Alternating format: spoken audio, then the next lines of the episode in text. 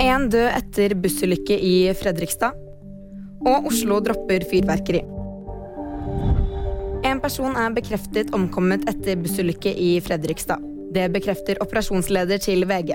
I tillegg er en alvorlig skadet blitt fraktet til Ullevål sykehus med luftambulanse. Vi har ikke noen eh, åpenbar eh, formening om hva som har skjedd. Som dere ser så har vi begynt å arbeide på stedet her med litt undersøkelser. Eh, men det er fortsatt arbeid som vil pågå i timevis her. Det sa innsatsleder for Øst politidistrikt, Arve Hermansen. Klokken 09.12 fikk politiet melding om at to busser hadde frontkollidert på Fredrikstadbrua. Det var totalt fire personer i begge bussene.